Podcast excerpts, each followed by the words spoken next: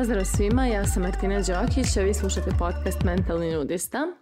Nalazimo se u epizodi broj 64 i u ovoj epizodi govorim malo o tome zašto povređeni povređuju, odnosno epizoda se zove Povređeni povređuju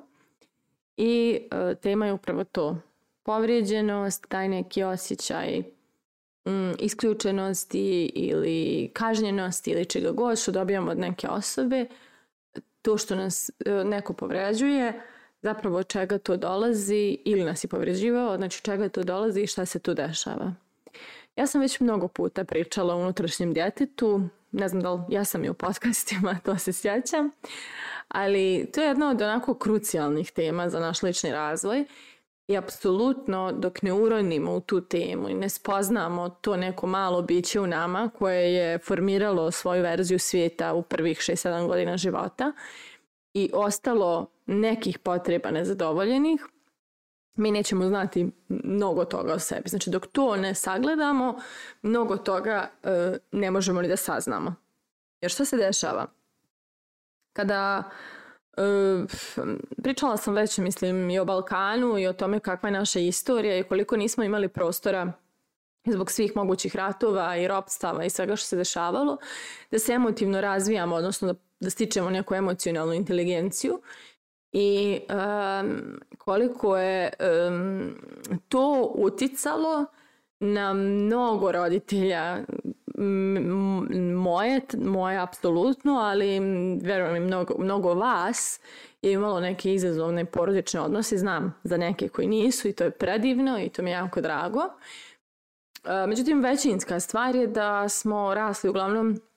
u domaćinstvima u kojima naši roditelji neke stvari nisu znali da nam pruže, pričamo o emotivnim stvarima, jer ni sami ih nisu dobili, ni sami od njihovih roditelja nisu imali priliku da osjete te neke stvari, podršku, razumijevanje, ljubav, sigurnost, pripadanje, nešto, nešto.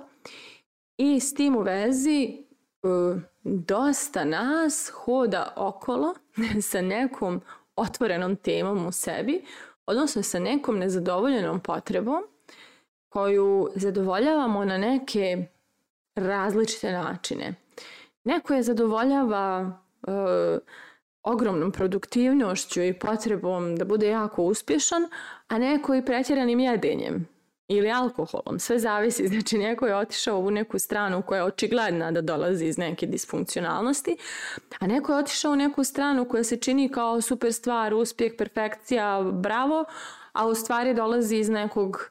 nagona koji nije baš e, njegujući nego je nagon koji nas e, spaljuje, odnosno goni nas u nekom pracu, samo da bismo nekako osjetili da je ta neka naša potreba zadovoljena. I pošto kada zaronite jednom u temu unutrašnjeg djeteta, počnete da otkrivate da je ono 99% ljudi, ali sad bez pretjerivanja, 99% ljudi oko vas funkcioniše iz unutrašnjeg djeteta, odnosno iz tih nekih nezadovoljenih potreba, iz programa obrazaca, igrica i koje čega što dolazi iz unutrašnjeg djeteta. I onda uh, se tu često dešava da naše unutrašnje dijete i unutrašnje dijete neke druge osobe dolazi u sukob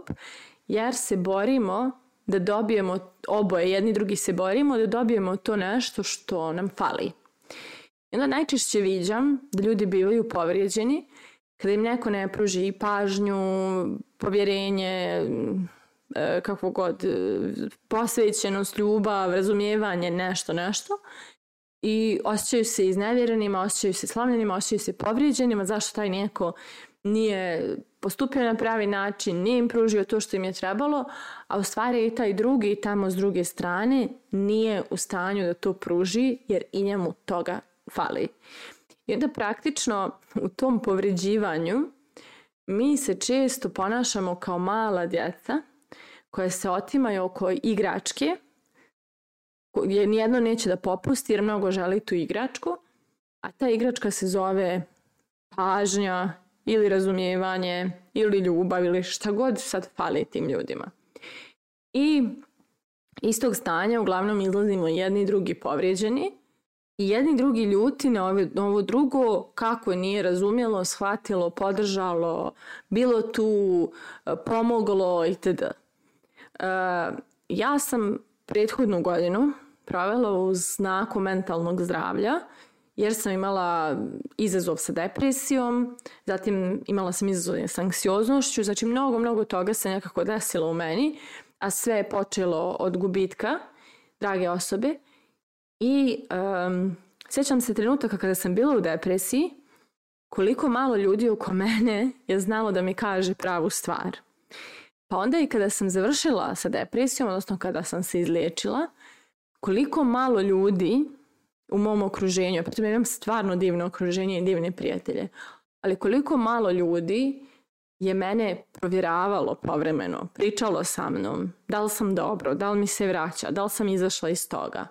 kako se osjećam sada i slično. I nisam to mnogo lično shvatala, jer sam zapravo kroz taj proces shvatila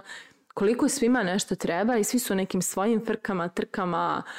panikama, dramama i onda nemaju kad da vam nešto pruže jer su oni u problemu. I onda se mi često osjetimo povređenima jer neki ljudi možda nisu tu za nas ili nas ne razumiju ili ne znaju da nam pruže potrebnu pažnju, ljubav, razumijevanje, a u stvari oni su u svojim problemima, u svojim povrijeđenostima, u svojim traganjima da nekako te svoje muke zadovolje negdje, odnosno i njima treba to isto i zato nemaju da pruže. Jednom kada to shvatite, mnogo toga se mijenja u mnogim odnosima – jer um, prosto počinjete da razumijete da imate pogrešno očekivanje od pogrešnih ljudi, odnosno da je većina ljudi neresursna u našem okruženju, odnosno malo ko je tu onako zadovoljenih potreba, smiren, stabilan, potpun, pa preliva time i ima nekom dalje to da pruži, odnosno ima vremena i prostora i energije da se fokusira na vas ili nekog drugog sebi bliskog i da mu to pruži. Ja imam psa već šest godina, skoro sedam, i tačno znam svoje faze sa, sa njom od kad je došla u moj život, kad, kad su postojale faze u kojima su moje potrebe bile važnije od njenih, ja sam imala svoje probleme, svoje umore, svoje izazove, svoje stresove i onda nekako sam njene potrebe često zapostavljala. A onda se sjećam nekog momenta kada sam počela da zrim, da postajem resursnija, da nekako uh, više se bavim zadovoljavanjem svojih potreba onako iznutra, jer samo tako ih je moguće zadovoljiti iznutra, ne ovim stvarima s polja. Uh,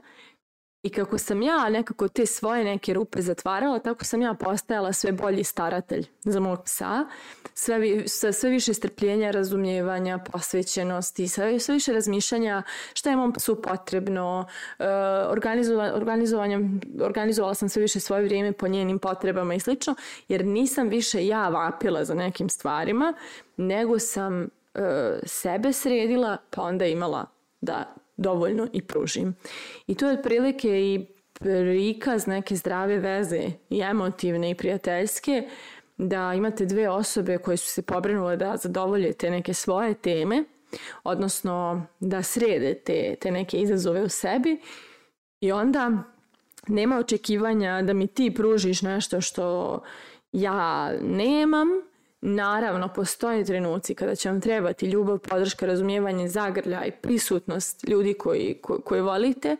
i to je apsolutno divno, zato nam nekako bliski ljudi služe, ali jako je toksično gledati stalno neke druge ljude i čekati da nas oni spasu, da nam oni pruže nešto što ni mi sami sebi ne znamo kako. Tako da moje pitanje za kraj ove epizode je da li ste svesni svojih nezadovoljenih potreba i radite na njima ili bivate povređeni zato što drugi nisu tu da vam pomognu oko toga. Mislite o tome, a mi se družimo u narednoj epizodi.